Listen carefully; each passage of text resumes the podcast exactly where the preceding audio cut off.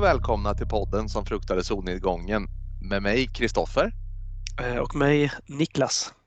Jäklar vad du är. eh, Det är ju en, eh, är det en, är det en fallen, fallen ängel som jag har på tråden? Ja, det är det. Du vet, jag, jag älskar hårdrock. Så att det, det har ju blivit. Ja. Nej, det är, det, det, är de här, det är de här jävla små barnen. De drar hem saker som man inte vill ha hem. Och eh, sen Nej. snurrar de bara runt i huset. Basiller. Det, det är nu på sin plats att du skulle kunna göra en ganska trovärdig tolkning av den här Total Eclipse of the Heart med Bonnie Tyler. Varsågod. Turn around. Every now and then I get a little bit lonely and you're never coming around. Ja, Every... every Ja. now and then. Ja, ja men det är bra. Grattis. Ja, men tack. du, vad kul. Det var ju ett tag sedan vi hördes. Eh, Det var det ju. Eh, Hur är läget? Jo, ja, men med mig är det bra. Så du. Jag ska inte klaga. Eh, och jag, vet du vad? Jag, jag börjar ta till orda direkt här bara. Jag eh, ser ju ingenting annat än Cobra Kai just nu. har, du, har du sett den serien? Nej, jag, den, eh, jag ska säga så här. Det är en av få tips jag har fått av dig. Så att den ska jag ta mig an någon gång här. Men jag väntar Mm. lite på att du har sett klart den så att jag har väl tio år kvar där ungefär. Ja, nej, nej, nej. Jag är nu inne på säsong fem, eh, alltså sista säsongen.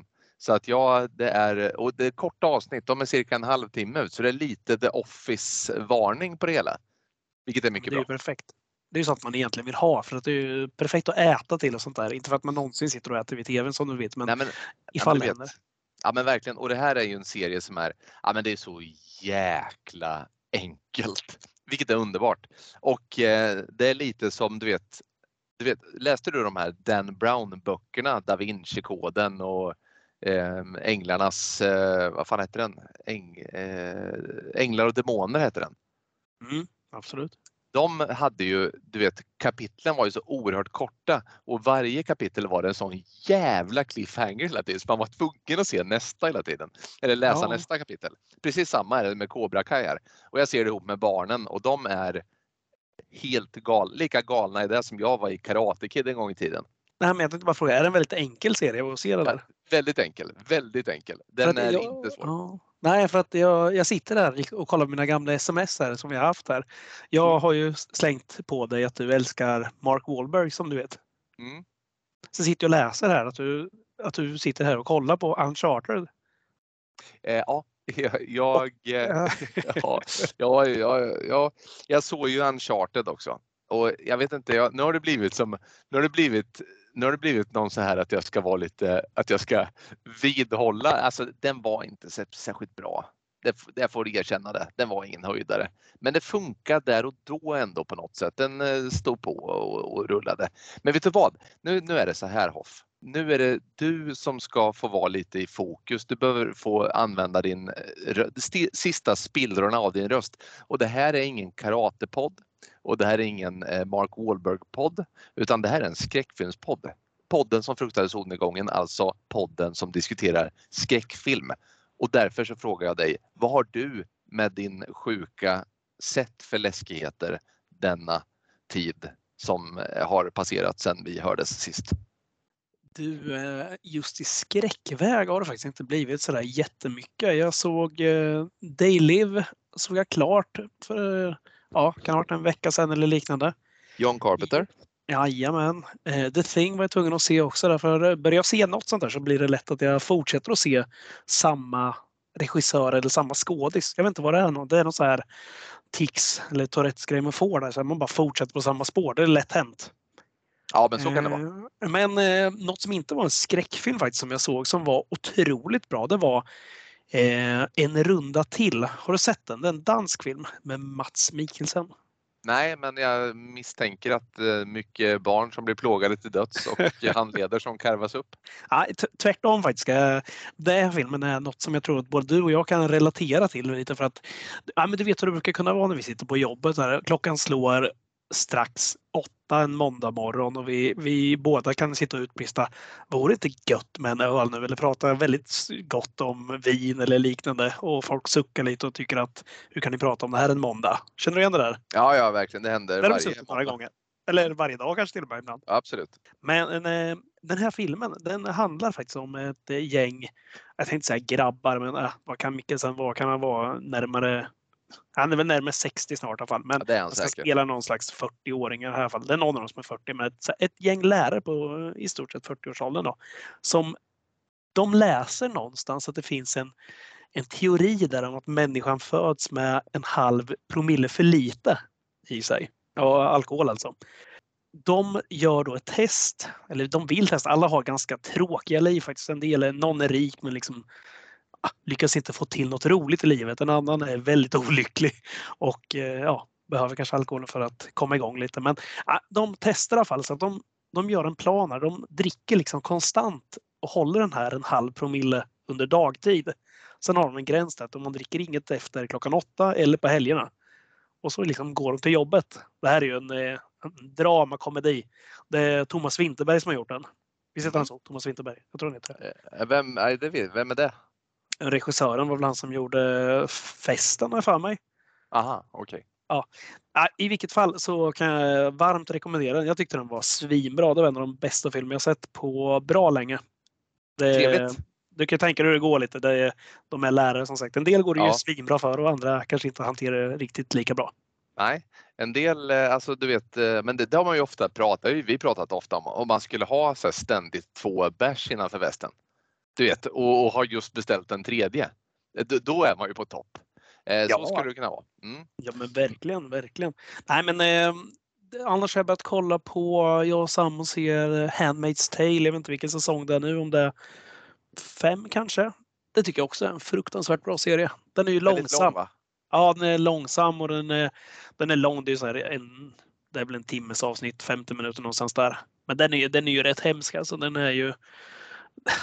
Det är fan ingen vacker framtid alltså. Eller ja, som det skulle kunna bli. Men men, vad, vad har du själv sett? Har du sett något eh, annat kul än just eh, Cobra Kai?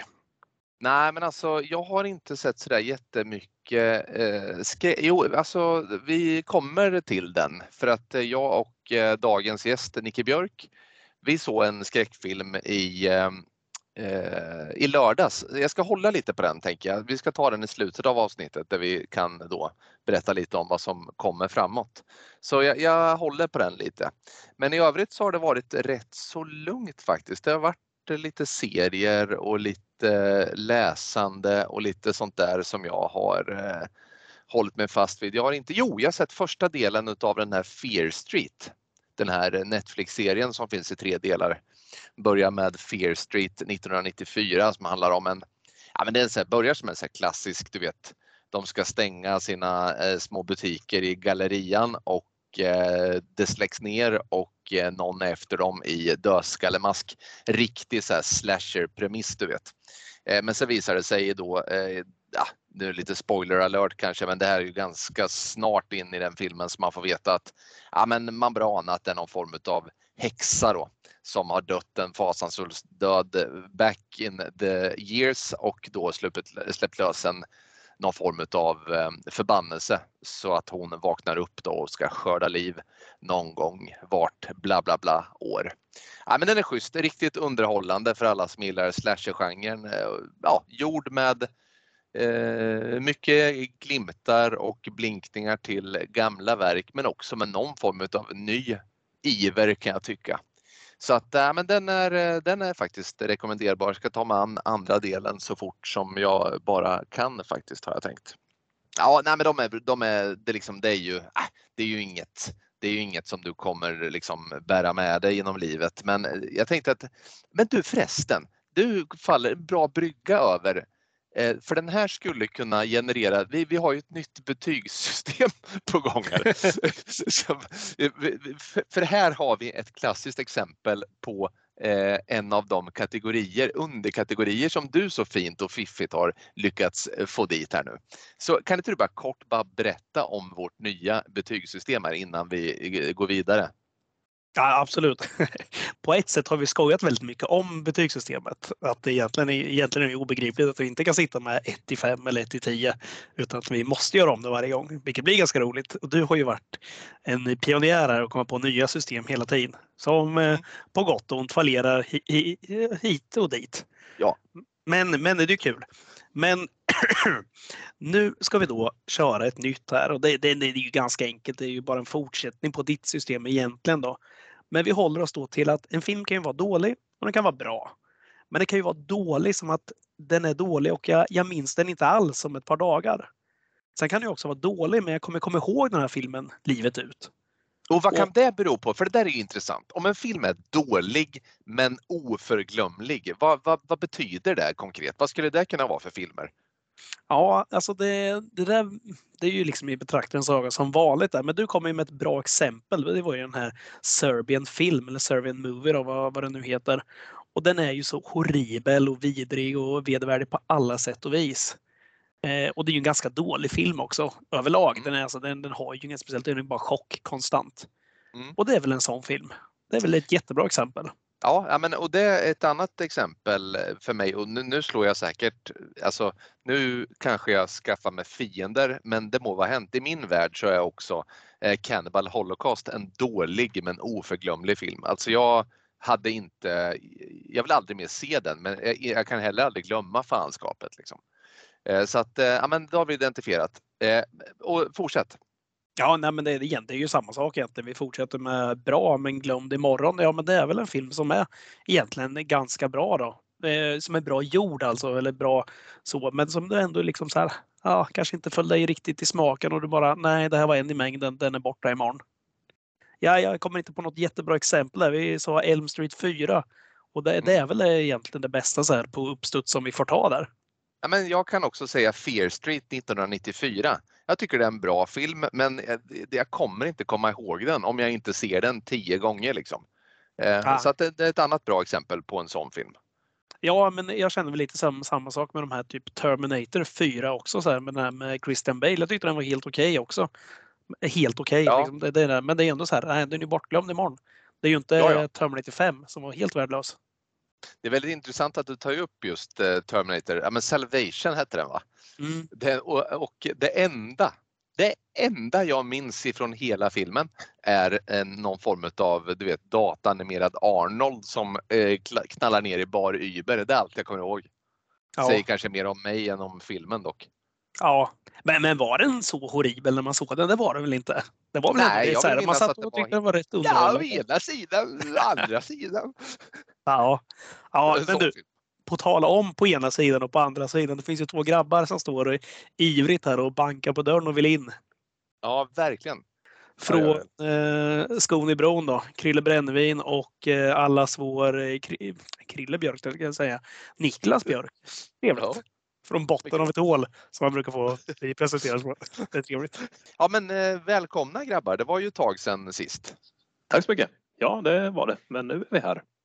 Gud vad härligt. Yes. Och eh, Christian, eh, ryktet går på byn att du är citat dyngförkyld. Stämmer det? Ja, det stämmer alldeles riktigt. Jag är riktigt dyngförkyld. Det är en riktig, eh, en riktig man-cold så jag får se om jag överlever natten här. Men ja, vi får se. Vi, Ja. Jag härdar ut så gott jag kan i alla fall. Ja, men det, Ja. det går så bra så. Ja, Och, men Nicke Björk, du är kärnfrisk. Jag är frisk som en Hur gör du för att hålla dig så frisk? Som, det, du känns eh, som en väldigt oförkyld person. Ja, jag kan väl räkna upp på en hand de gånger jag varit sjuk i alla fall de senaste åren. Ja, det är ändå otroligt. Vad eh, gör du för att eh, undvika, eh, undviker du folk rent av kanske? Exakt, jag låser in mig och eh, på så sätt undviker man folk och baciller. Och det hjälper att vara rödhårig också. Då har man extra skydd. Ah, ja, det är så, precis. Det är bara solen egentligen som gör dig sjuk. Precis, det är därför jag är inlåst de dagarna så jag undviker solen. Det är nu Ja. underbart när det är mörkt klockan tre så man kan smyga ut där och väsa åt folk. Ja, det här är ju ditt halvår. Det är mitt halvår, ja precis. The year of the king. mm. Ja, Ja, fantastiskt. Jag, jag hade ju en liten grej bara som jag ville ta upp. Jag, jag går ju upp alldeles för tidigt på morgnarna numera och har inget att göra. Och eh, istället för att eh, som Niklas hade gjort, dra på hårdrock. Det kommer inte jag undan med för att vakna barn och så vidare. Då får man dra på någon så här lugnt och stilla och f- typ så här Enya-liknande musik. Eh, Och häromdagen blev det istället Vangelis som åkte på. Och eh, det är ju så här stor favorit för mig just gällande kompositörer. Och där hade jag en liten fråga till er så här, gällande favoritkompositörer i filmer. Vi, vi kan ju prata lite musiken i Rec 3 sen om det är någon som har fastnat för den. Men vad sitter ni med? Sitter någon där ute och har ni någon så här udda val? Nej, jag har inget udda val kan jag säga. Eh, utan jag, jag måste säga att alltså jag har suttit och funderat lite och alltså min största favorit är John Williams. När man går igenom hans verk så kan man ju liksom kan man inte fatta hur mycket bra filmmusik den mannen har gjort. Också mycket popcornfilm som ju är min favorit. Sen, äh, jag känner på mig vad de andra grabbarna, jag säger så här, jag säger John Williams och sen lämnar jag över och ser lite om de andra träffar samma som jag gör. Ja, jag satt ju och funderade på för att det finns så många eh, duktiga eh, där ute och som, ja, vissa har ju dött också som Ennio Morricone och John Williams går i pension också snart här. Eh, men eh,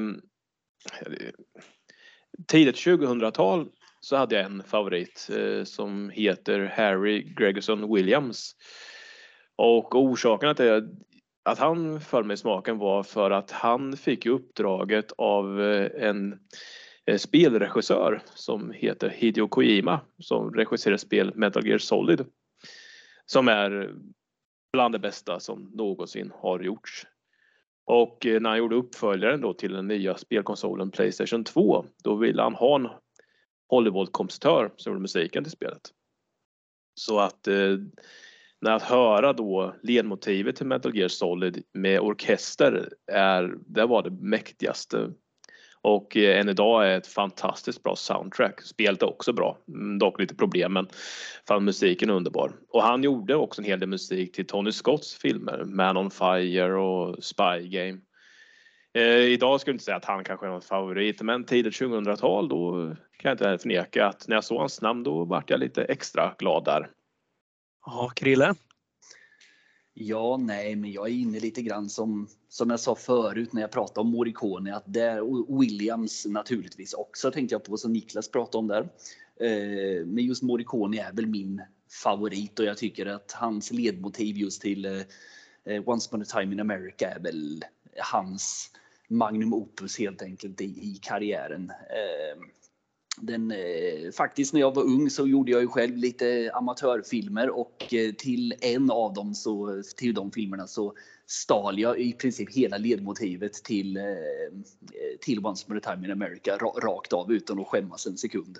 Eh, men ja, det, Morricone fastnade ju jag i liksom. Sen finns ju James Horner och de här andra stora, men det är mycket mm, annars popcorn kompositörer mycket man, jag kommer att tänka på i alla fall.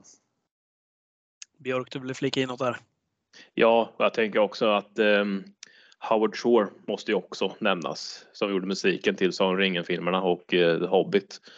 Uh, han har ju gjort musik innan Sagan ringen också och uh, efteråt men han lyckades ju verkligen ge liv till, ja, till Tolkiens värld med sin musik. Man, när man hör Rohan, man ser Rohan och hör dess temamusik. Det, det blir liksom en extra dimension.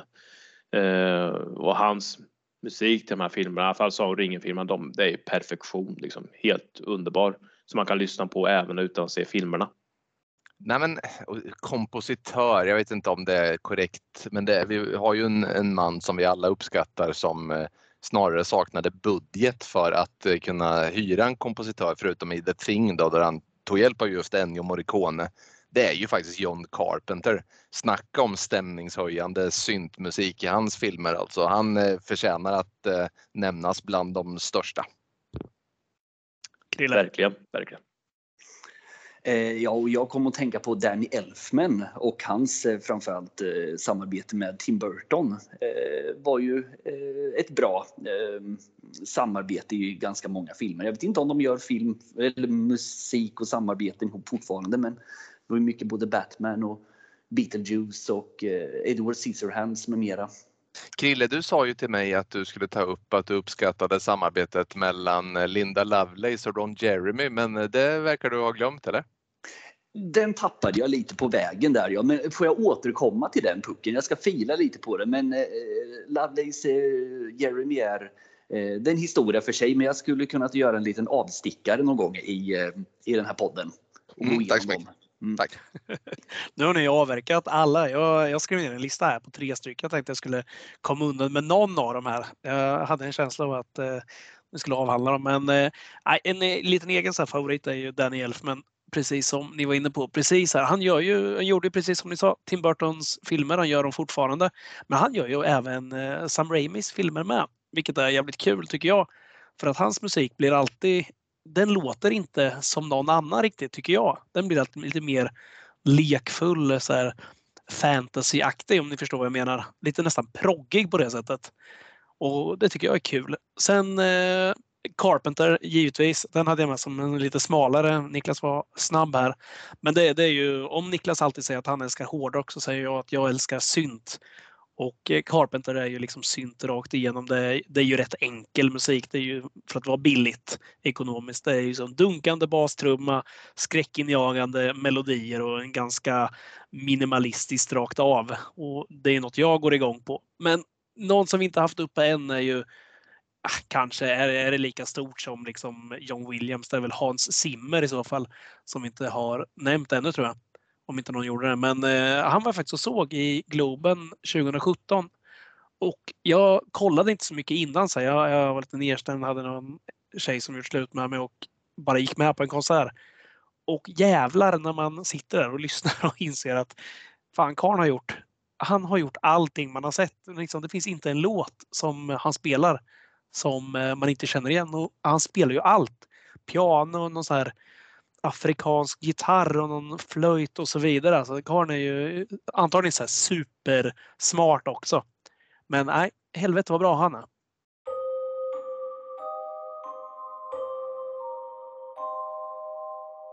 Jaha grabbar, vad, vad tycker vi nu då? Eh, vi är ju, ni är ju här för att vi ska se, eh, eller för att vi har sett REC 3 till dagens datum.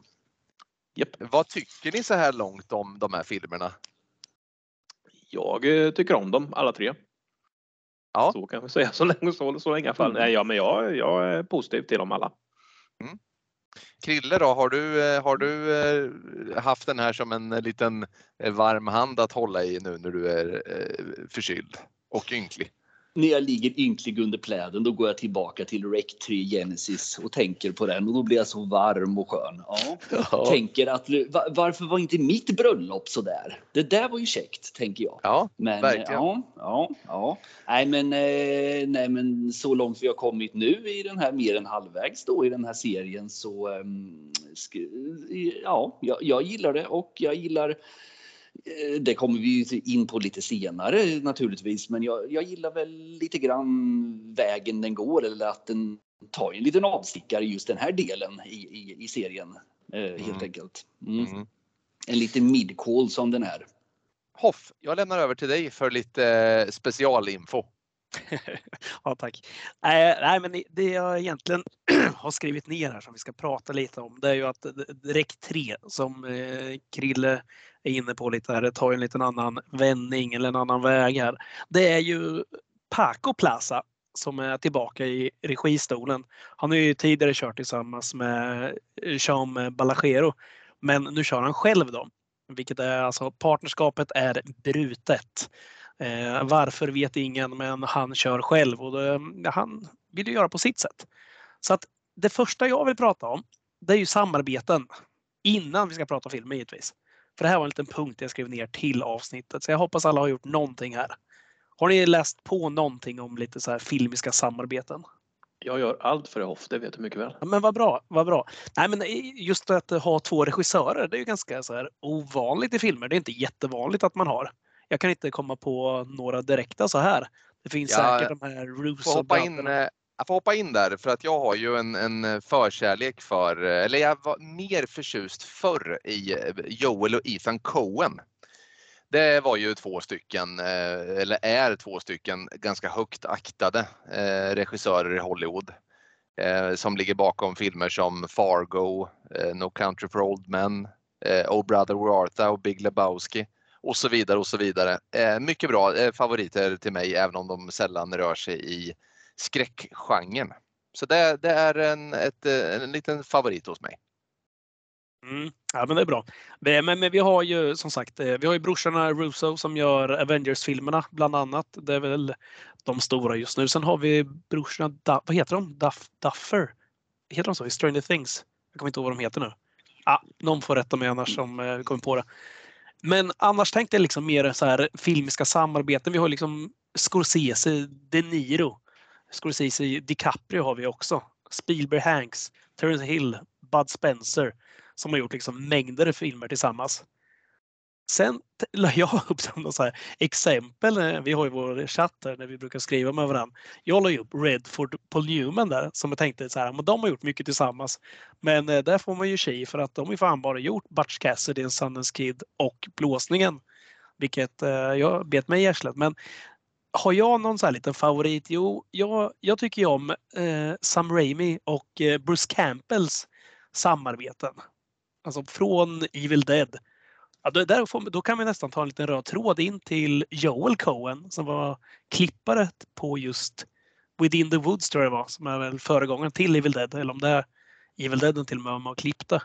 Men Bruce Campbell har ju varit med liksom i allting som Sam Raimi i stort sett har gjort. Även om det bara är cameos i många av filmerna. Ja, jag tycker det är för jävla härligt. Har ni några så här egna favoriter, Krille och eh, Björk? Ja, alltså det har jag och eh, jag blir ju alltid extra glad när jag ser Del Toros namn som regissör och Ron Perlman med i rollistan. Då blir jag alltid lite extra lycklig att de två har funnit varandra. För eh, Ron Perlman har varit med i många i hans filmer och eh, han, jag tror han har en roll i hans nya här, The Pinocchio. Eh, så tror jag Perlmans eh, ansikte eller ja, hans röst ska med då i och med att det är en animerad film. Perlman är ju härlig alltså. Han är, han är ju underskattad. Han är, han är karismatisk kan man säga så med sin stor breda flim. Men eh, han är alltid bra. Han har aldrig sett honom vara dålig i någon film faktiskt. Eh, Han, eh, han kan ha varit med i dåliga filmer men han är aldrig dålig. Han har ju ett ansikte, så här, så här flinta-ansikte. Han skulle kunna spela med i Flintstones, precis som fotbollsspelaren James Milner. Han skulle också kunna vara med i någon sån här Flintstone. Han ser ut att vara huggen i sten. Ja, han, han har bra käke alltså. Ja, jävlar. Ja, han, är, han är härlig. Krille då, vad sitter du med för någon? Ja, jag, jag tänker på det här med mäktig käke. Jag tänker också på, eh, vad heter han, Brian Thompson, skurken i Kobra. Där har vi också en käke av Guds nåde. Eh, sidospår om käkar. Jag, menar, eh, mm, jag tänkte väl på samarbeten. Eh, ja, men delvis så tänkte jag ju på eh, Sergej Leone och eh, ja, delvis med Clintan då och även Morricone då som kompositör.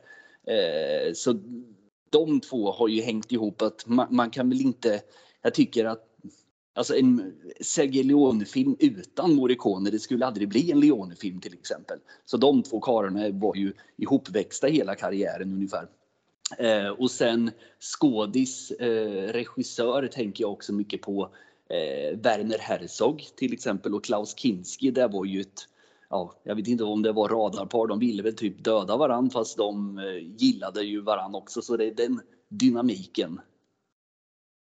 Eh, ja, men det är ett klassiskt samarbete som vi har ändå sett i rätt många filmer eh, innehållande då eh, James Cameron och Arnold Schwarzenegger. Det måste vi säga är ett, ett klassiskt samarbete även om det har liksom tagit ett litet tag sedan man såg en film eh, av de två eh, sen sist. Då.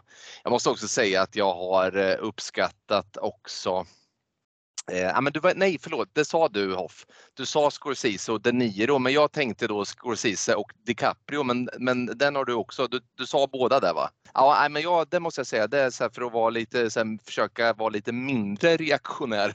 Jag brukar vara rätt nostalgisk när det kommer till eh, både film och musik och sådär, men Eh, DiCaprio han stod inte högt i kurs hos mig när jag, när- på 90-talet. Då tyckte jag han bara var en sån här grinolle som var med i alla filmer och snörvlade och grät mest hela tiden. Eh, och han fall, föll då i, i mäktig skugga eh, bakom eh, de här hårda grabbarna istället. Men eh, DiCaprio är ju, han är ju, han är ju som, som, ehm, alltså, som Tom Cruise ärligt talat är. Nu har han haft några sådana här bottennapp, men Tom Cruise och DiCaprio, eh, det är nästan alltid bra filmer. Det måste man säga. Vad säger du Björke? Jo, och jag tänkte när du sa nu med Tom Cruise att vi har ju också Tom Cruise och Christopher McQuarrie eller vad nu han uttalar hans efternamn. Eh, men som har regisserat de senaste. Säg det igen. Christopher. McGuire, nej, jag vet inte, han har Mac, McHugh, nej skitsamma. Men något M på efternamnet där. Christopher någonting där. De har ju gjort de senaste Mission Possible, eh, Fallout och Rogue Nation. Och eh, det här när Tom Cruise spelar eh, Jack Reacher, det gjorde de också där. Den första Det var också Werner Herzog med. det var han. Sen tänkte jag på Lindström, du sa det här med Arnold och Cameron och det är ju klassiskt radarpar. Men Cameron hade ju också ett annat, en annan skådespelare, gjorde också tre filmer med och det är ju Michael Bean. För han var ju Ja. med i Aliens och T1 och i uh, The Abyss. Även Paxton. Bill Bill Paxton Paxton. är väl med då, här och där va? Ja, det stämmer. Aliens, Titanic, True Lies, det stämmer. Så det har ju också fint radarpar där med. Eh, Och Paxton och Michael Bean är också två eh, stabila skådespelare. Framförallt Bill Paxton är ju fantastisk som tyvärr lämnar oss alldeles för tidigt.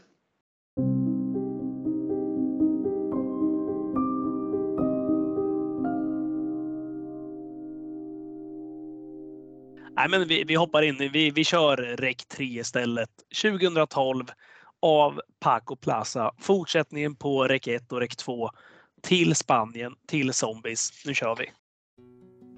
Ett ungt par ska gifta sig.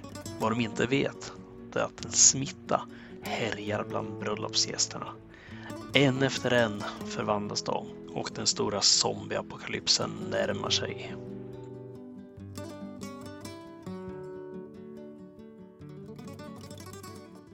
Tack så mycket för den rafflande eh, inläsningen eh, Hoff.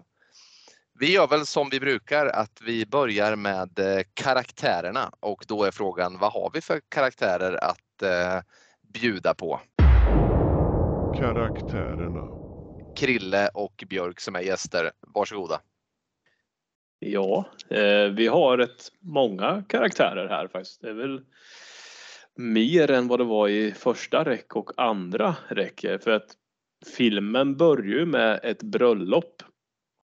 Och det är rätt många ansikten som dyker upp där men eh, det är ju de två som ska gifta sig är ju Klara och det är Koldo. Och det är de som är våra två huvudpersoner. Sen är det ju flera andra runt omkring där men jag tänker om du vill fylla in där Christian med några namn på karaktärerna. Ja, det var ju just det här paret som jag hade skrivit upp också och sen av alla andra karaktärer runt omkring. Jag nästan, det var så länge sedan man såg det nu så namnen på alla har man glömt bort egentligen. Men två karaktärer som stack ut eh, för mig där i, i gänget. Det var ju bland annat var det ju Svamp-John som var någon form av maskot som är med och eh, jobbar på bröllopet där.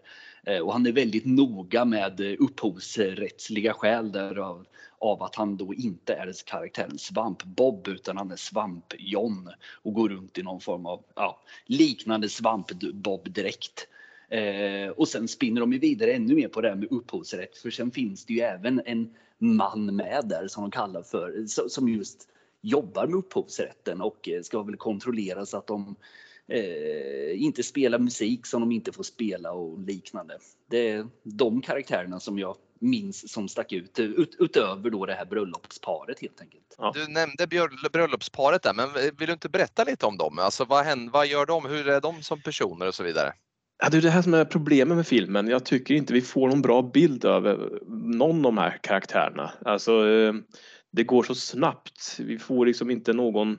Alltså filmen är ju bara en timme och elva minuter innan eftertexten börjar rulla på. Och det är ju ett högt tempo. Men vad, alltså, Koldo ska gifta sig med Klara och han, eh, de blir ju i filmen då, eh, de skiljs åt då när det här blir kaos, blir ett kaos då med zombieattacken där. Hon försvinner åt ett håll och han försvinner åt ett annat håll. Och Koldo ska ju då, han ska hitta henne, kosta vad det kosta vill. Eh, om han så måste dö på köpet. Det är ungefär det man kan säga om Koldo. Eh, han ska hitta sin tjej, punkt slut. Klara, hon är ju liksom, hon tar ju sina initiativ. Hon eh, försöker ju hitta Koldo givetvis. De här två älskar ju varandra. Eh, och hon, hon tänker ju inte låta sig bli, bli besegrad av några äckliga zombies utan jävlar i mig, det är motorsågen fram och sedan så klyver hon zombies till höger och vänster vid en scen där som vi säkert kommer att prata mer om. Så hon, eh, hon tar ju strid. Det är ungefär det jag kan säga om dem för vi får inte så mycket mer bakgrund till dem och så. Eh, jag kan ju säga några andra karaktärer vi har med på det här bröllopet. Vi har ju, eh, vi har ju en som filmar. Han heter att Hund tror jag, eller hur man uttalar det. Och som sagt, jag är inte bra på det här med uttal med namn. Men han är proffsfilmare i alla fall. Och eh, har blivit anställd för att filma bröllopet så att det blir snygga scener där med. Och sen är det ju en av Kollos kompisar som filmar med kamera så det skiftar ju lite grann från skakig kamera till fast kamera. Och sedan har vi också en karaktär som heter Rafa som är då kompis till Koldo. Han är ju ladies man. Han eh, ja, ser bra ut och han vill ju eh, bli ihop med en tjej som är då kompis till eh, Klara som heter Nathalie, en fransyska. Det är ungefär det vi får veta av karaktärerna i filmen så att det är ingen så här djup studie. Det, är inget, det här är inget karaktärsdrama. Så kan man säga. Ja, nej, men det, ni har ju tagit upp de karaktärer vi har egentligen där. Vi har ju Adrian som är, det är väl kusinen då till Koldo som Björk var inne på som filmar. Det är han filmen börjar med egentligen. Han springer omkring där med en B-kamera och sen springer han in i den här Atun som är den här proffsfotografen och de bondar lite. Men det jag tycker som är värt att nämna det är att det, blir, det är ganska lång den här presentationen just av det här bröllopet av karaktärerna som finns där och något som slår mig är att det är så otroligt stereotypa karaktärer. Känner ni igen det där? Vi har den här fulla farbrorn som är alldeles för full som finns på alla bröllop antagligen. Och så har vi den här den här bruden som har något att säga som hon inte riktigt får sagt. Hon försöker ju prata med Koldo eh, flera gånger. Eh, vad heter hon? Clara? Heter hon så? Ja. ja. Och hon har något hon måste berätta för honom och det är, det är något jättehemskt. Eller det kan man ju tänka sig. Eller det är inte jättesvårt att lista ut vad det är för någonting. Sen har vi liksom de här morsan. Vi har alltså svärföräldrarna överlag och de här grabbiga kompisarna till Koldo den här fransyskan som är otroligt lättfotad. Och så har vi någon präst där i, mitt i alltihop också och den här comic relief svampbob fyrkant killen som står. Alltså det är alla de här, för det är ju inte något djup i någon av karaktärerna direkt vi stöter på va? Nej, men å andra sidan eh, utifrån hur det är presenterat här eh, i de tidigare räckfilmerna så hade man ju inte, jag hade inte väntat något annat direkt. Eh, men, men den här farbrorn då? Ska man hålla sig fast vid honom lite? Det är ju, det är ju som sagt, det är ju någonting med den här farbrorn. Krille, kan du berätta lite om det? Ja, den här farbrorn som eh, är lite glad i drickat där. Ehm, tror de åtminstone. Han eh, eh, berättar ju ganska snabbt i filmen där, för det är någon som ser att han blöder på handen. Eh, och då får man ju veta att han har ju tidigare under dagen varit på hos någon veterinär och eh, helt enkelt blivit biten i handen av en hund. Och har man då tittat på REC 1 så kan man nog koppla samman med att, att det troligtvis är samma hund som eh, var med i REC 1. Eh, sen börjar väl den här eh, mannen att tror ju folk där börjar fyllna till allt mer på festen och han blir konstigare och segare helt enkelt. Eh, men ja, det är väl inte bara fylla riktigt som han har, han har i blodet då, utan det är ju någonting annat. Vi, vi, vi tar ändå miljön, miljöerna först tycker jag. Platserna och miljön. Jag har ju sagt att vi är på det här bröllopet. Och vad är vi? Vi är väl någon form av herrgårdsmiljö, va? eller? Ja, vi är väl det är ju det är ju ganska påkostat bröllop. Det är inte något så här borgerligt att de har sprungit ner till stan och bara gift sig. Det gör man väl inte i Spanien särskilt ofta misstänker jag. Utan det här är ju alltså, det är flådigt bröllop. Vi är på någon riktig jäkla herrgård och sen har vi den här lilla festlokalen, lilla inom parentes, som är helt enorm. Där de är ute på något. De har ju en sån här eh, ska man säga, uteservering. Där det går omkring kypare liksom med fina silverbrickor och band spelar. Svampbob Fyrkant springer omkring och underhåller barnen. Och vi har en liten, in, liten kyrka som ligger intill också. Och så är det en stor jäkla inhägnad tomt med murar och järngrind runt om. Det är ett ganska ballt ställe. Det är ju enormt. Mm, verkligen. Eh, har ni något ni vill tillägga om eh, miljön där? Det är ju som sagt var, det är ju påkostat. Vi får ju inte alls veta vad de eh, gör for a living det här paret, eh, eh Clara och Koldo. Men eh, påkostat är det och släkten kanske är rik, vad vet jag. Har ni något att tillägga, Björk eller Christian, om miljöerna? Nej, det är som jag säger som Kristoffer, det, är liksom, det är en väldigt fin herrgård med på som är gigantisk och ja, nej, så att den följer ju REC, första REC och andra Recs tradition med att begränsad miljö liksom. Första och andra filmen då var vi i det här huset och på vinden i det här huset. Här är vi på herrgården och i olika rum av herrgården där så att eh, men eh, inget som är så här speciellt att, som att lyfta fram extra tycker jag. Ja, det man får säga är väl liksom att det finns ett rum för allting. Liksom. Det, finns ett, det finns ett enormt kök, alltså en riktig så här, nästan skolmatsal ser det ut som. Som de har liggandes i källarlokal. Då. Och sen har vi det här att det är nästan lite, fan säger man på svenska, så här, medieval. De har eh, riddarrustningar som kommer till användning lite senare. Och det temat liksom som finns där. Och den här stora scenen där eh, de har bröllopsdansen. Det är ju ja, men det är som en, vad ska man säga, liksom, det är som att de är på Folkets park nästan och håller på att uppträda. Mm. Men däremot ska det sägas att jag, jag tycker ändå man får till en härlig feststämning i början här. Alltså det är ju härligt. Det känns här. Det känns ändå att under inspelningen att det blev drag under inspelningen liksom. För det känns att det är party. Eh, inte kanske att jämföra med The Deer Hunter men ändå härlig feststämning helt enkelt. Eh, ja men verkligen, men ska vi göra så att vi hoppar vidare till hotet då? För det är ju ett hot som sagt var som vi har att göra med och vi känner igen det här hotet. Hotet. Som sagt var, man börjar ju ana oråd när farbror dyker upp på festen och har blivit biten av en hund på veterinärkliniken. Och eh, den här farbrorn börjar bete sig allt mer eh, bedrövligt där som Christian var inne på. Han full och, och kräks och, och balanserar på räcket och faller slut. Han, han, visst är det så, är det under bröllopsvalsen till och med som, som farbror sitter och balanserar uppe på någon form av räcke och faller handlöst ner då?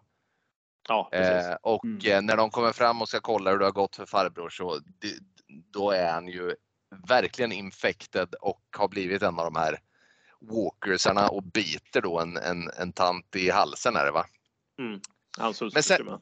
Ja, hustrun. Och sen är kaoset igång för sen hoppar de in som ur ninjor ur eh, liksom eh, sammet. Da dansar in zombisar. Var kommer alla ifrån? Vad tror du Christian?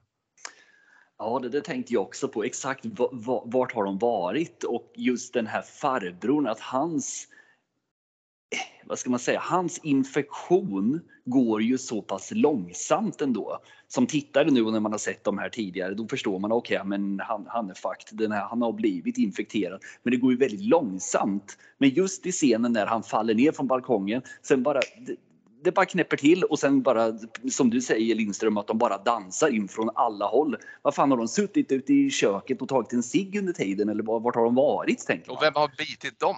Ja, Eller exakt. alltså, Vem att- har bitit dem och hur har de löst det? Ja, För att ja. farbrorn är ju, farbrorn är ju, när han står och balanserar på räcket där uppe, då är det ju det sista vi har kvar av någon form av människa där som ändå försöker sig på någon form av manöver.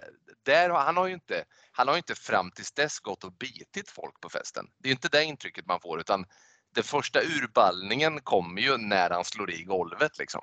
Så att det där, det där eh, förstod jag aldrig. Eller kan ni bringa någon, bringa någon klarhet i det här, eh, Kristi och Nicky Björk? kanske inte bringa klarhet men eh, innan kaoset börjar så får man ju se korta sekvenser att polisen är ju utanför området också och eh, tillsammans med några eh, läkare gissar jag på. Eh, det är i alla fall med folk med så här skyddsrustning på sig, eh, skyddsoverall. Eh, och håller på att kontrollera området så att myndigheterna gissar väl på att det finns någon form av fara där men Istället för att gå in och avbryta bröllop och säga hörni, vi måste utrymma på grund av säkerhetsskäl, bla bla bla. Så låter man festen hålla på där och givetvis så slutar med att även de blir ju en del av dem i ja, zombiestyrkan där. Eh, ja men precis. Och det här eh, viruset då, känner vi igen eh, viruset eh, tycker du Hoff ifrån film 1 och film 2? Är det samma, mynnar det ut i samma elände? mynnar ut gör det i exakt samma sak, men det ter sig lite annorlunda här tycker jag. Det, jag, jag köper ju liksom att den här farbrorn, att det tar lite längre tid för honom att bli det. Det, det, det är väl ett det är väl nästan en regel mer än ett undantag i sådana här, alltså i zombiefilmer, i såna här infektionsfilmer, att det, det finns någon som det biter på betydligt långsammare. Det ser vi ju bara i första räck. Så har vi den här lilla flickan som det tar jättetid för att bli sjuk. Eh, nu pratar jag inte om hon på vinden utan den här andra lilla flickan. Men eh, så det finns alltid någon som det tar väldigt lång tid för. Bra immunförsvar på farbrorn där. Det, Ja. han, har, han har druckit så in i helvete under dagen så det tar liksom lång tid för att det ska ta på. Jag tänker att det kanske har att göra med vilken eh, liksom, kroppsdel också. Det håller ju inte för att eh, bruden blir ju biten, alltså ja vi kommer till det också.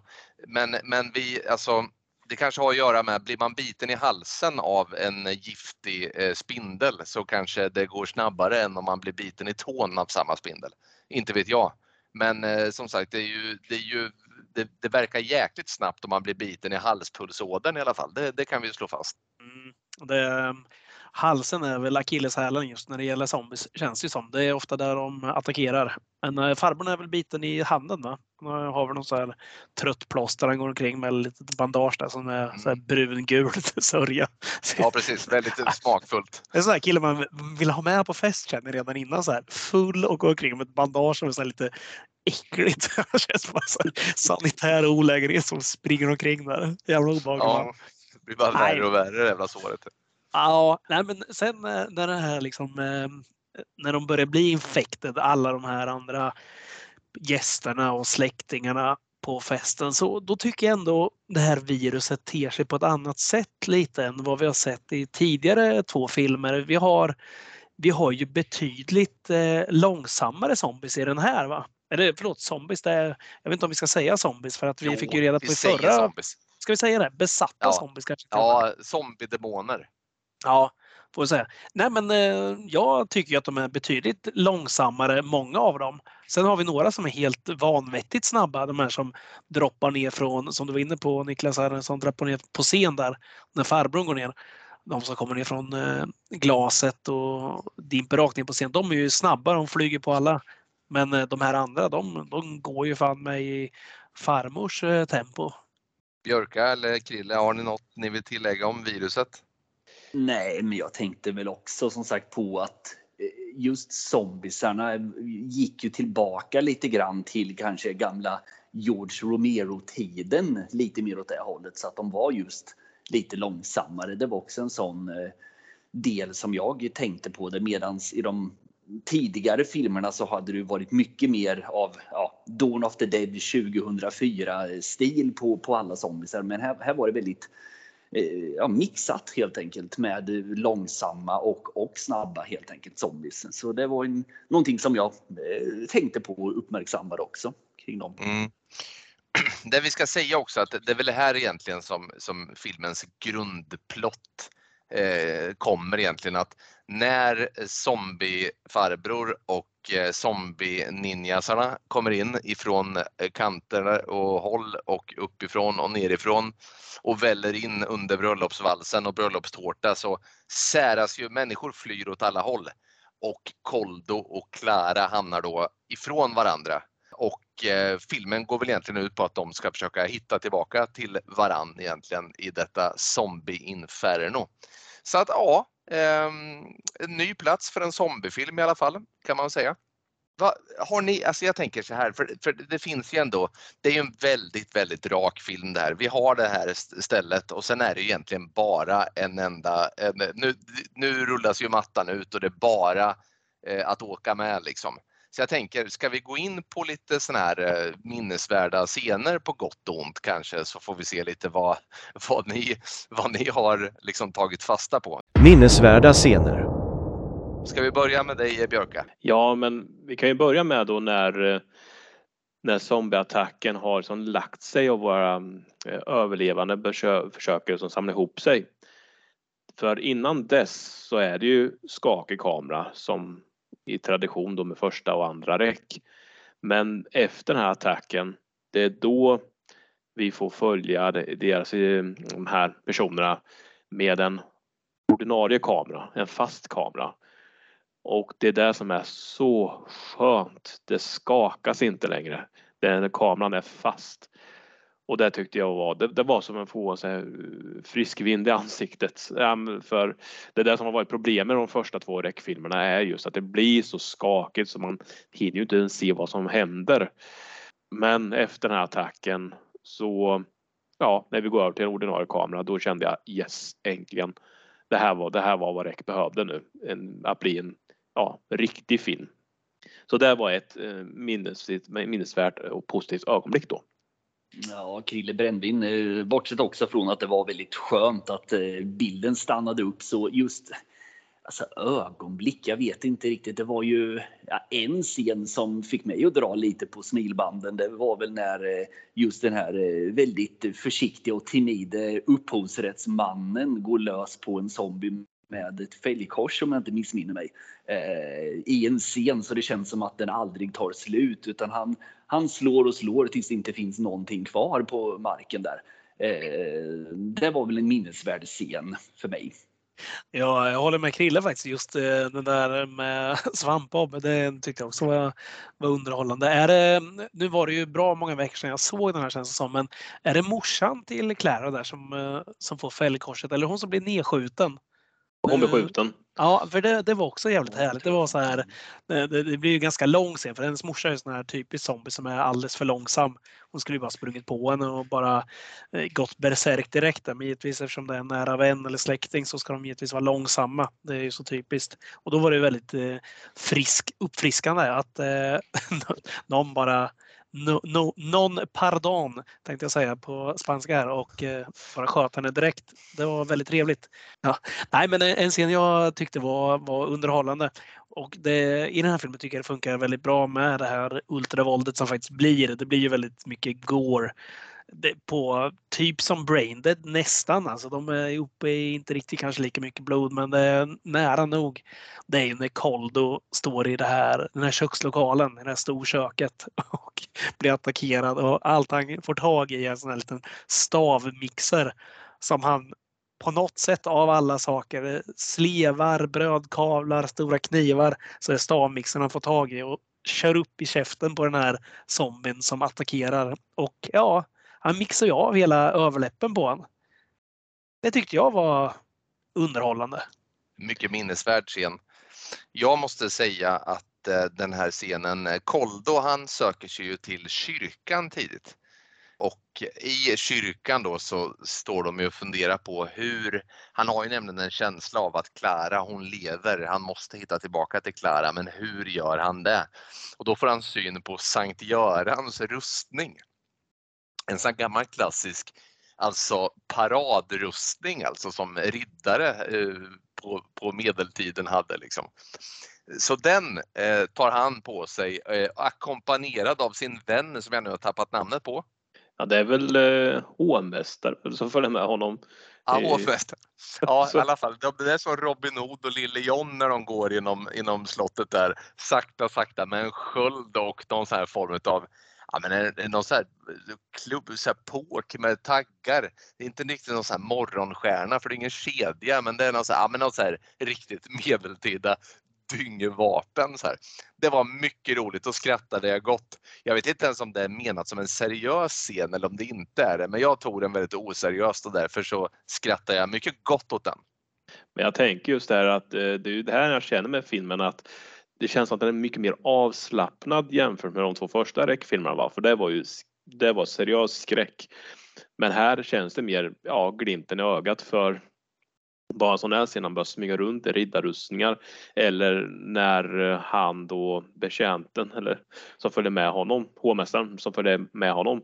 Han blir indragen bakom gardiner och så hör man hur någon zombie mumsar på honom och sen spottar den ut hans sköld ifrån där. Det är liksom, det känns så hela Monty Python ska det hela. Så det Ja, känns som att hela Och det filmen. var ju väldigt mycket, det var ju väldigt mycket, jag måste bara säga det, Monty Ja. Python över just det där riddarrustnings... Det är ju som när eh, kungen åker runt där i Holy Grail och ska hämta mannar till sin trupp liksom. Ja, Ja. precis så. Men jag tycker det är det här som är så skönt med filmen också, att den vågar vara, ha lite kul faktiskt och jag, jag gillar det. Men jag kan ju också, i och med, att jag tog upp det, kan jag ju också säga att en annan schysst scen är ju när tjejen får, ta, får tag i sin motorsåg. Eh, de är i någon källare och blir jagade av de här besatta zombisarna. Och då får hon tag i en motorsåg och eh, där går ju hon bananas på de här eh, monstren. Klara där. Och här måste man ju ändå ge cred till filmen att den är tunn manusmässigt sett men jäklar det är bra gjort med effekterna och goret. Det, det blev blodigt och det, är, och det är väldigt snyggt också. Jag, ska jag vill inte spoila allting eftersom det är så kort film ändå och vi ändå går igenom många scener. Men det finns ju en, eh, en ganska väsentlig kyss i den här filmen som också bör nämnas. Vi behöver inte ta vilka det är mellan men den kyssen när eh, tungan, tungorna möts tänkte jag säga, tunga möter tänder. Den är också, den är, den är härligt blodig. Ja, den får man tänka lite. Vi pratade ju om den här filmen. Eh, fan, vad heter den nu då? Chocker. Chocker härom, härom eh, avsnittet och det var ju något snarlikt där ju. Ja, alltså det är så jävla brutalt. Men vilket är kul. Alltså det, lägger man eh, ribban på den nivån då är det bara att köra rakt ut. Det går ju inte, man, kan ju inte sänka den efter en, vad som har hänt innan i filmen. Det går inte. Nej, verkligen. Nej men eh, så är det ju och eh, som sagt var det här är en väldigt kort film och jag vet inte hur mycket mer som vi egentligen ska spoila. Eh, eller jo, låt oss spoila för guds skull. Det är ju det vi är till för och har man inte sett filmen så får man väl ta och göra det. Men, eh, men paret som sagt var, de hittar ju, vi kan väl säga det Hoff, att det är ju paret som hittar tillbaka till varann och får eh, då mötas i en dödskyss. Men det är ju trots allt så att eh, Clara inte riktigt har klarat sig helskinnad. Och Koldo vill inte riktigt acceptera detta så att han, det där är en ganska, det är ändå, ändå en ganska så här, schysst lösning. Vad, vad, vad händer där egentligen? Clara blir biten i armen och vad är lösningen Christian? Lösningen den är ju hur enkelt som helst. Det är ju bara att hugga av armen på sin blivande fru. Ja, eller, Eh, eller ja. det är redan nu fru va? Ja. Eller ja, för- exakt. De hinner ju gifta sig. Precis. Bröllopet har ju, har ju, de har ju hunnit vigas. Eh, nej, men han hugger ju av, eh, lägger väl upp armen på, är det någon mur eller sten? Ja, med, med ett svärd så hugger han av eh, hennes arm helt enkelt för hon blir ju biten och sen försöker de väl snöra åt den här stumpen då så att eh, infektionen förhoppningsvis då inte ska sprida sig i kroppen på henne. jag, jag tänker så här att vi kan väl helt enkelt eh, ta några ord då vi helt enkelt pratar om vad vi tycker eh, var och en om filmen, filmserien, hur den här filmen står sig gentemot de andra. Bra eller dåligt och sen så eh, får vi väl anamma någon form utav eh, slutbetyg. Eh, jag slänger ut ordet. Varsågoda. Ja, men då eh, börjar jag här. Ja, men jag, jag, jag tycker om REC 3. Eh, för jag tycker att det, det känns så skönt nu med den här med en tredje film i serien som vågar vara mer, som jag sa, avslappnad. Man satsar lite mer på komedi. Det är bra effekter med goret och så. Eh, och filmen är ju så pass kort med så att eh, egentligen känns, känns det som mer som en film som kunnat gå ingå som extra material. så. Men eh, jag måste ändå säga att jag satt och njöt från början till slut. Alltså det, till en början var det lite jobbigt ska jag säga för då var det en skakig kamera och, och det. Men eh, så fort vi lämnar det, den, den här mockumentärstilen dokumentärstilen och går till, att, till ordinarie spelfilm. Det är då filmen blir bra tycker jag. Och, eh, nej, och jag njöt. Och jag tycker också att eh, jag bryr mig ändå om våra huvudpersoner och eh, slutet är faktiskt lite ja, sorgligt. Eh, så att jag, ändå, jag tycker ändå REC 3 är definitivt bra i serien. Eh, visst, du ska ju inte se den om du vill ha den här seriösa skräcken som de var de två första. Men om du vill se någonting annat, då tycker jag det är rätt att se REC 3. Så den är bra. 3 av 5 i betyg. Absolut. Gärna en bärs till, gör den funkar ypperligt.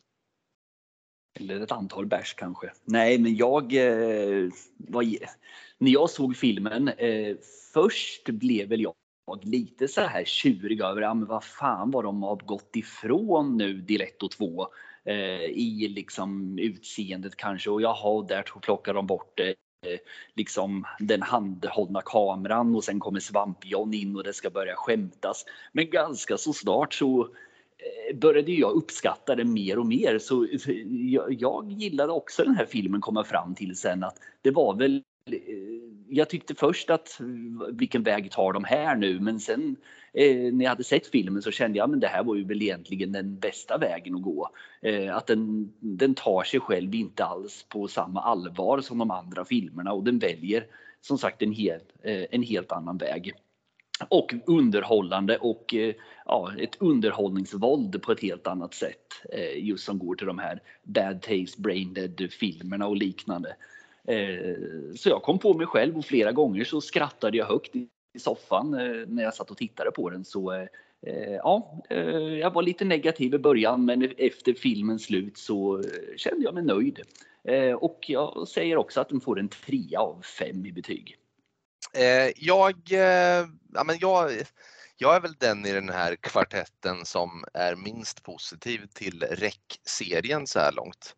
För det första så har det slagit mig att jag inte är så mycket för found footage. Första filmen har ju ändå eh, Eh, vissa kvaliteter, om inte annat för tidernas, eh, ett av tidernas eh, hemskaste filmmonster mot slutet där. Men skakigheten har kostat på både i första och andra filmen och jag säger som dig där Nicky Björk att därför så är det med en eh, stor lättnad som man kan se i den här filmen som är lite mer så att säga eh, normal i, sin, i sitt filmande då.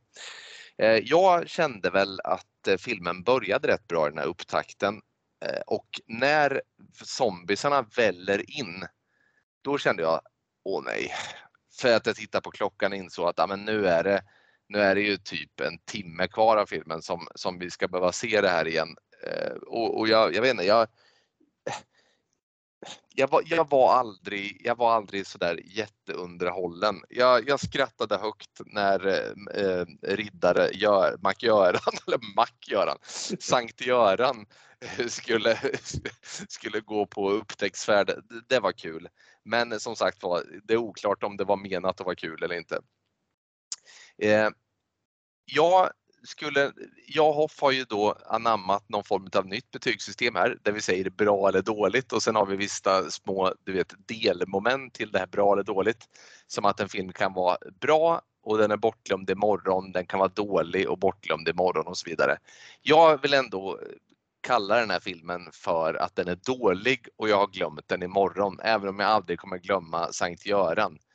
Eh, jag känner nu direkt Hoff att även det här nya betygssystemet eh, har sina flås så jag måste nog ändå få gå in och ta ett 1 5 betyg trots allt. Eh, jag ger 2 av 5 för att som sagt var den hade den hade präster eller en präst och den hade Sankt Göran. Därför 2 av 5. ja, det, är skönt. Det är blandade betyg här ändå. Det är trevligt varje gång. Eh, om man är sist ut här, vad tyckte jag? Jag är väl den som kanske gillat ja, men den första filmen eh, håller jag väldigt, väldigt högt. Jag, jag har inga problem med den här handskakiga kameran. Det, det, har jag inte. Jag tycker att det är kul och jag tycker ofta att det blir bra att man kommer nära människorna om det görs på rätt sätt. I den här filmen förstod jag inte riktigt varför vi ska tramsa med att hålla på med den kameran när vi bara är på ett, på ett bröllop och det är karaktärer som är urbota korkade eller eh, helt intetsägande. Så jag förstår inte varför vi ens slösar en 40 minuter på att springa runt här med den här kameran och, och introduceras för dem. Men men, när det byts till den här andra kameran, då kände jag bara, vad händer nu? Är det så här det ska bli? Gör man så här med andra filmer? Går man ifrån det konceptet man har? Ja, det kanske man gör för vissa som inte gillar det här, men för en annan som gillar det så tycker jag det är ett helgerå nästan. Men, men, men, då körde vi på. Och sen de här karaktärerna som sagt, jag, jag gillar ju inte någon av dem. Jag hatar ju alla. Jag vill ju bara att alla ska dö. Den här Clara är hon det tröttaste våpet vi har att göra med någonsin. Hon ska berätta någonting för sin man i hela filmen och får inte sagt. Vad fan, det är zombies överallt. Häv ur dig vad du vill ha människa. De hörs ju tio gånger utan att säga någonting. Vi fattar ju att du är gravid. Du behöver inte ta en film. Stjäl inte min tid. Och sen blir det inget av det ändå. Det är liksom bara så här, jaha. Nej, det vart ingenting där. Nej, och sen det här är del tre nu. Jag, vill ju, jag brukar vara inne på det. Jag vill att man ska göra något nytt. Ja, fine, de byter kamerafilmning då, hur det ska filmas. Men ta filmserien vidare. Vi har ju precis blivit introducerade för att det är djävulens påkomma de här zombisarna. Vi har ju inget med det att göra förutom att alla zombies helt plötsligt stannar upp när en präst tar över högtalarsystemet och läser någon bön. Då står alla zombies som de bara står där och ser så här konstiga ut. Jag, jag tycker det är så bedrövligt. Det här, vet du vad det är? Det är så otroligt sämst. Så att jag ser det här, jag säger så här. Den här filmen var dålig och jag kommer minnas den för evigt för att den förstör en hel serie. En hel filmserie kommer förstöras på grund av den här hårda ord. Men du har, den har ju ett svängigt disco-ledmotiv i slutet där. Det är ju härligt. Det var faktiskt det jag tänkte säga. Musiken har jag läst att det klagas lite på ibland, men den är ju fan bra i den här filmen. Den är ju Ja, härlig. Visst är den? Man vill bara Ja. shaka.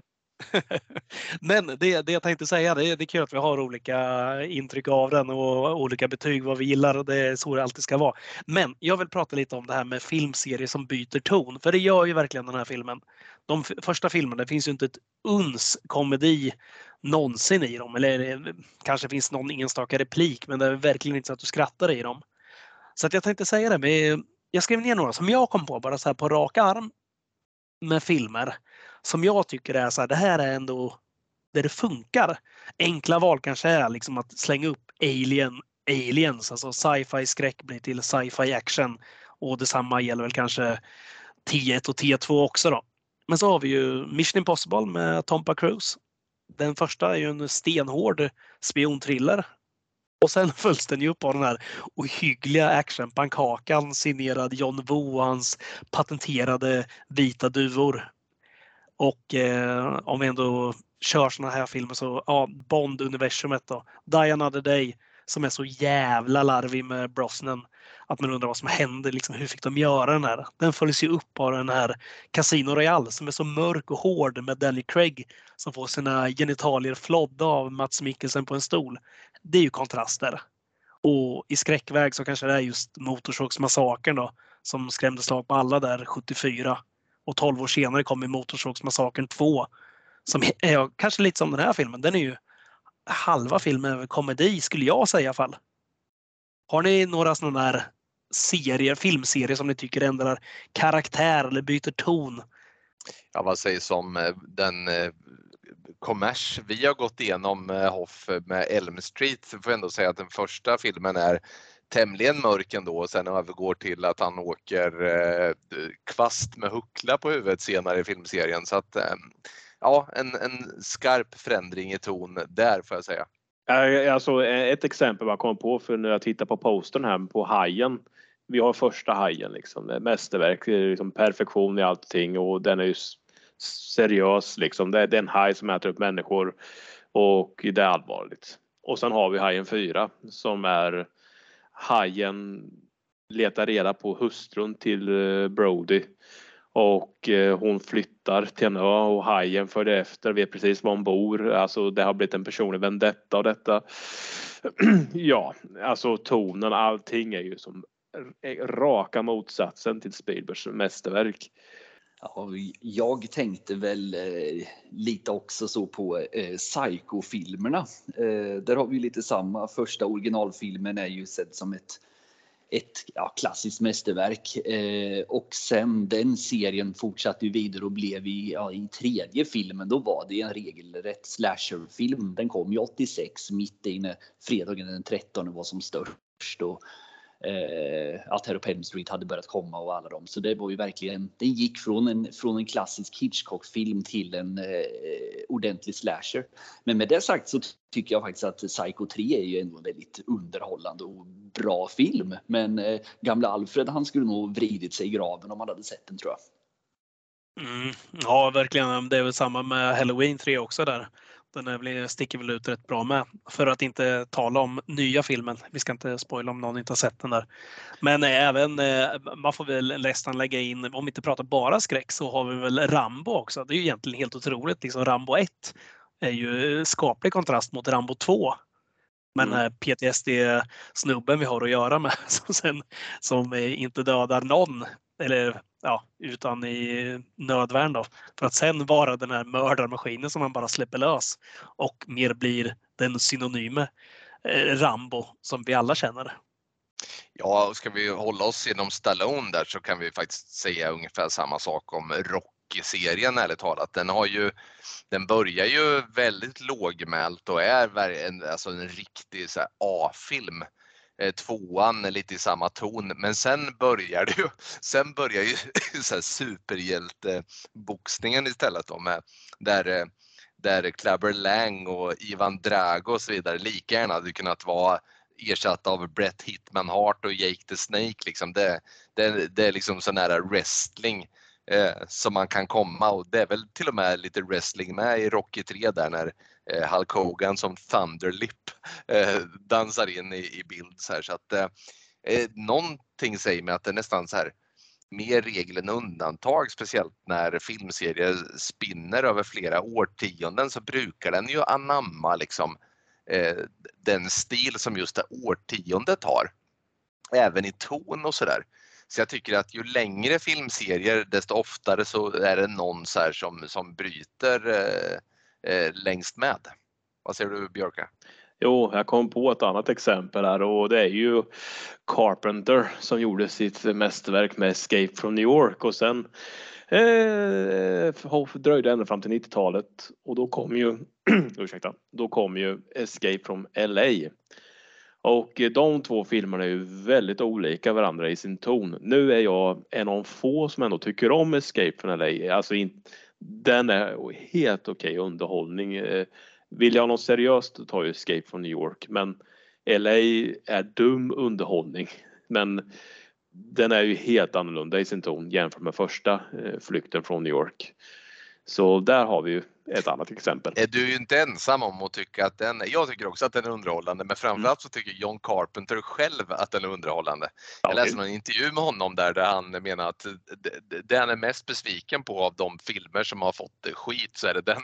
För den tycker han var, att den var schysst liksom. Ja, alltså visst, du kan ju sitta och titta på och säga Åh, det är så dåligt CGI och allting. Men vad fan, bara njut av showen. Alltså, The Carpenter har ju haft kul på jobbet när han gjorde det här. Det, han, han vill ju bara liksom tramsa och det blir härligt trams liksom. Det, Snake är ju fortfarande cool liksom. Men eh, jag, jag, jag, jag tycker om den. Eh, den. Den slog ju inte första filmen, absolut inte. Men den är ju den, den är kul. Escape from LA. Det var väl, var det bekräftat nu att det kommer en, eh, en trea till och med? Det har ju varit så många år prat om det där men eh, vi får väl se. Ja, men jag läste någonstans att Kurt Russell själv hade sagt att eh, man ska inte spela en gubbig Snake Plissken men jag antar att Karn fick eh, lite extra påökt i lönekuvertet så var det nog inga omöjligheter längre skulle jag tro. Ja, så är det väl säkerligen. Nej, men det känns bara som att det är många, det är väldigt lätt göra en sån här, när man har börjat göra en, en franchise eller en serie då, filmer, så är det ofta just att det går åt det här lite mer komiska hållet. Jag tycker vi har sett det just i skräckväg så har det väl kommit, kanske det är en film som inte är alltför läskig egentligen då, men tar vi Onda Dockan till exempel, eller Child's Play som den heter, så den första filmen är väl ändå otäck någonstans. Men de tar ju en helt annan vändning sen. Det är väl ingen som sitter och kollar på Onda Dockan idag. Alltså de, vad heter de här? Chucky och Chucky. Seed of Chucky och Chucky's Bride. Och, Ja, ja men exakt. Det, det, finns det något otäckt kvar i dem längre? Det är samma. Det är väl samma. Brad Dourif är väl kvar fortfarande och, och kämpar. Alltså jag vill slå ett slag för remaken. Det jag tyckte han var överraskande bra. Nu är det ju inte eh, Brad som gör rösten till Chuck utan det är Mark Hamill istället. Men eh, det var faktiskt en överraskande bra remake och den är ju också eh, den behåller ju första filmens seriösa ton och eh, gör det väldigt bra. Ja, nej, men det, det har vi räknat inte in remaken då, men vi tar med de här andra för där Mm. har de satt en annan ton.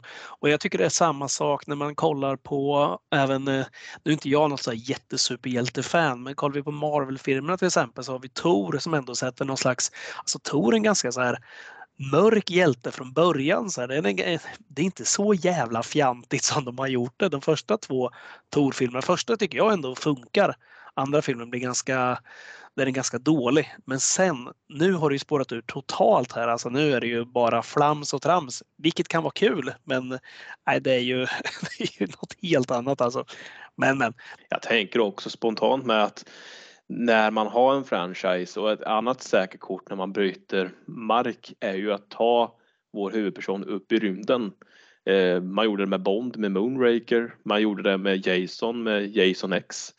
Det där är liksom det sista kortet. Att vi har gjort allt nu. Vad kan vi göra? Skicka upp personen i fråga till rymden så får han vara där. Till och med den här filmserien, eh, vad heter den här med Lepre, ja, den här gröna vätten som eh, Leprechaun. Ja, just det. Även han är uppe i rymden också. Kommer vi ha en Jason Bourne i rymden också? Det kommer säkert. Jävla svag film. Fy fan, vad kul. Till och med leprechauna i rymden. Det är så underbart. Det finns det är någonting hjärtvärmande i det ändå. Jaha, nej men eh, nej, det var ju bara sidospår där eftersom jag tyckte den här filmen eh, tog ett sånt eh, jäkla avstamp från tidigare ton. Så är det kul att lyfta det bara. Men eh, ska vi släppa den biten då? Vi, mm, jag vet att du Niklas, du pratade lite tidigare om vi ska runda av lite så pratade du om en film du hade sett eh, tidigare under veckorna som har varit som kommer bli nästa film vi pratar om. Ja, jo, eh, min tur att välja. Eh, och då alla som följer den här podden vet ju att när det är min tur att välja så ska vi ha lite mer glättig och härlig skräck. Eh, när Hoff eh, väljer så får vi eh, gå till, eh, åka på sån här tyst retreat i, i tre veckor efteråt för att eh, hämta oss eh, och vårt inre. Eh, så att eh, filmen till nästa gång är Prom Night den gamla Jamie Lee Curtis-filmen med Leslie Nielsen också i en av rollerna. Så Prom Night blir det alltså en eh, riktig klassisk eh, slasherfilm. Ja, trevligt. Det ser man ju fram emot. Då har man något att se här under veckan. Hörni, ska vi ta och runda av? Eh, Räck 4 eh, för den som vill kommer framåt. Men däremellan så ska vi försöka hinna med Prom Night då som sagt var, eh, Hoff. Jag eh, undrar om det är någon som har något tips så här innan vi stänger av? Ja, det är väl bra att kolla kylskåpet och se om eh, kryddorna ligger där säkrade och skyddade. Annars gör man ju som Krille ska göra om några minuter. Man släcker ner samfällighetslokalen, bommar igen, försvinner i nattens mörker.